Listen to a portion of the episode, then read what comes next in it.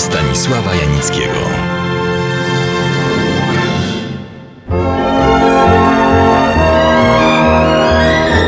Każdy kraj ma swoich komików, dla jasności, komików scenicznych i ekranowych. Najwięcej było ich w dawnych latach w Stanach Zjednoczonych Ameryki Północnej, czyli w Hollywood. Chaplin, Buster Keaton, Harold Lloyd, bracia Marx, W.C. Fields, Flip i Flap, żeby wymienić tylko najważniejsze.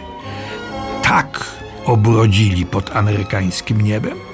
Obrodzili, ale byli to, pamiętajmy, w większości imigranci ze starej Europy, albo oni, albo ich rodzice.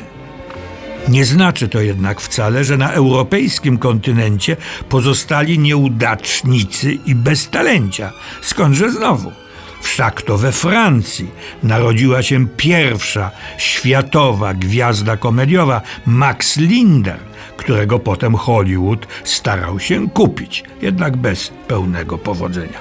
Po latach pojawił się nowy, oryginalny francuski komik Louis de Funès, a także Pierre Etex i mistrz Jacques Tati. Niemcy mieli Maxa Rymana, Duńczycy, Pata i Pataszona, a my, proszę bardzo, przebojowy Adolf Dymsza, twórca ekranowego cwaniaczka Dotka, Kazimierz Krukowski, czyli trochę spokojniejszy i z większymi aspiracjami Lopek, Stanisław Sielański, liryczny chłopek roztropek z intelektualnymi pretensjami, Michał Znicz, aktor dramatyczny i komediowy, który nie stosował gagów mechanicznych, ale był głęboko wzruszający, wręcz przejmujący.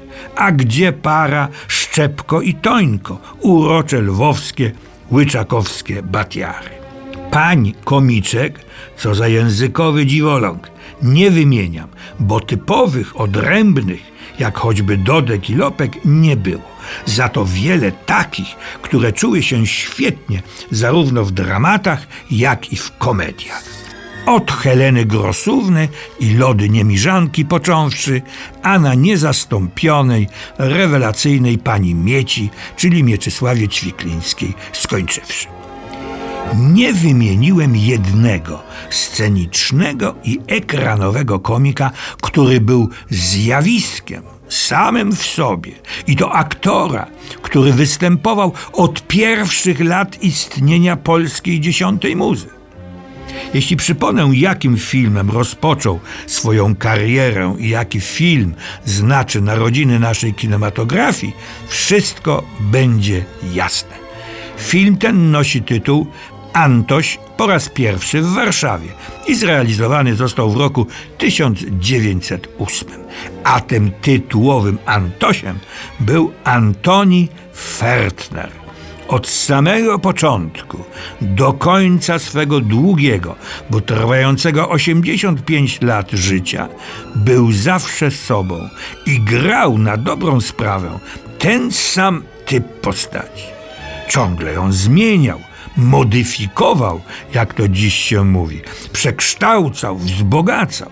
Nie przestawał jednak być sobą, a talent i kunszt aktorski miał wielki.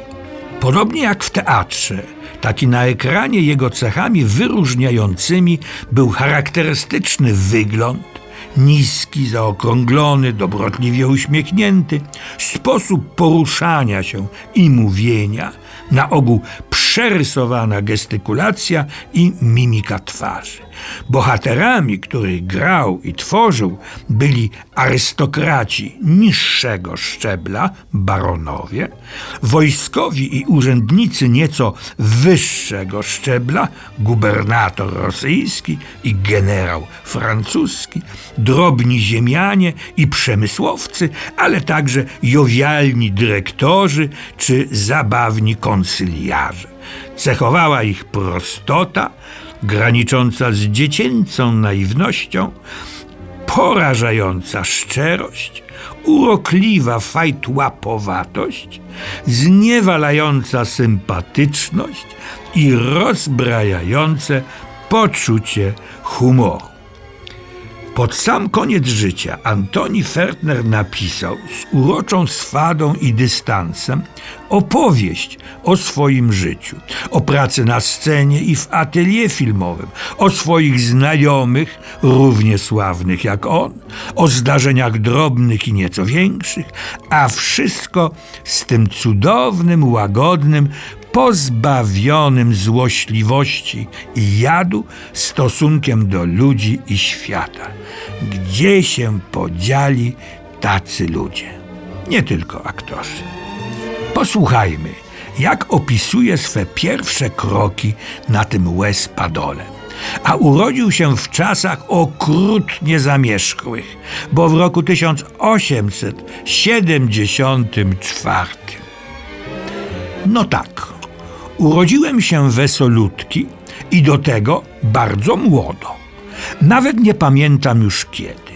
Jeśli płakałem, to jedynie ze śmiechu. W ogóle rodzina była zabawna. Sam bowiem fakt, że zamieszkała w Częstochowie, wzbudzał już uśmiech i wprowadzał w dobry humor. Dziaduś na przykład ze strony matki doczekał się nie lada cudu. Miał siedem kamienic, pięć żon i dziewiętnaścioro dzieci. Jeden z moich wujów został Paulinem i zapewne sprawował co najmniej funkcję przeora, gdyż rodzina wspominała o nim z szacunkiem. A może i nie był przeorem? Dla mnie osobiście było to obojętne, ale cała familia chorowała na manię wielkości. Stąd też i mój ojciec wypiekał ciasta daleko większe od innych. Zanim się urodziłem, w domu panował smutek. No cóż, do tej pory rodzice musieli się kontentować tylko córkami i to aż trzema. Nie wiem, czy wmieszała się w to Matka Boska Częstochowska, ale wkrótce urodził się długo oczekiwany syn. Chyba w nagrodę za mękę z dziewczętami. Syn to ja. Jeśli szanownych słuchaczy zainteresowałem tą opowieścią i chcieliby posłuchać, co się działo dalej po tak udanym starcie z niezastąpionym Antonim Fertnerem, zapraszam na kolejny Odeon w RMF Classic.